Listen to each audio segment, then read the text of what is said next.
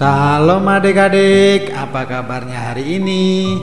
Semoga tetap semangat dan sehat selalu ya. Oke, kita ketemu lagi di 100 kisah favorit dari Alkitab.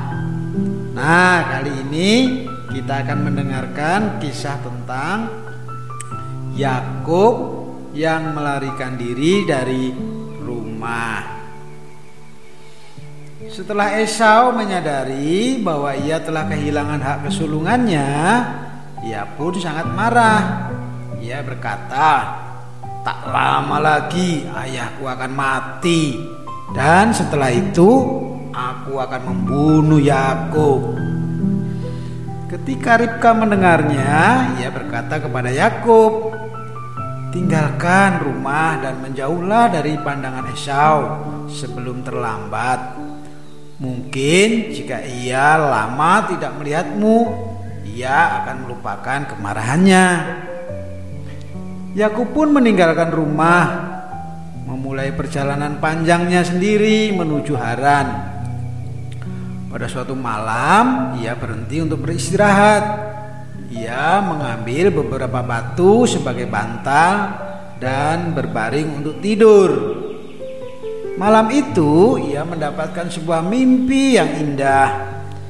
Ia melihat tangga menuju ke surga dan para malaikat naik turun di atas tangga itu. Di puncak tangga itu ia melihat Tuhan Allah berdiri. Tuhan berkata kepada Yakub, "Tanah di mana sekarang kau berada akan menjadi milikmu dan anak-anak keturunanmu." Aku akan menjagamu dan akan membawamu kembali ke tanah ini. Pagi harinya Yakub terbangun dan berkata, "Tuhan ada di tempat ini dan aku tidak mengetahuinya. Aku mengira bahwa aku sendirian. Tempat ini adalah rumah Allah. Ini adalah gerbang menuju ke surga." Yakub membuat tiang dengan batu-batu yang tadinya ia gunakan sebagai bantalnya.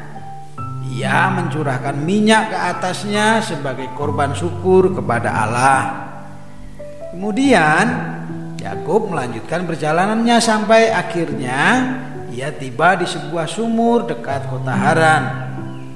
Ketika berada di sumur, ia bertemu dengan Rahel, sepupunya sendiri. Ia sangat bahagia sampai-sampai menangis penuh sukacita. Pada saat itu, Yakub mulai mencintai Rahel. Ia sangat menginginkan Rahel untuk menjadi istrinya. Nah, itulah adik-adik kisah dari Yakub melarikan diri dari rumah di mana Allah menghiburnya melalui sebuah mimpi.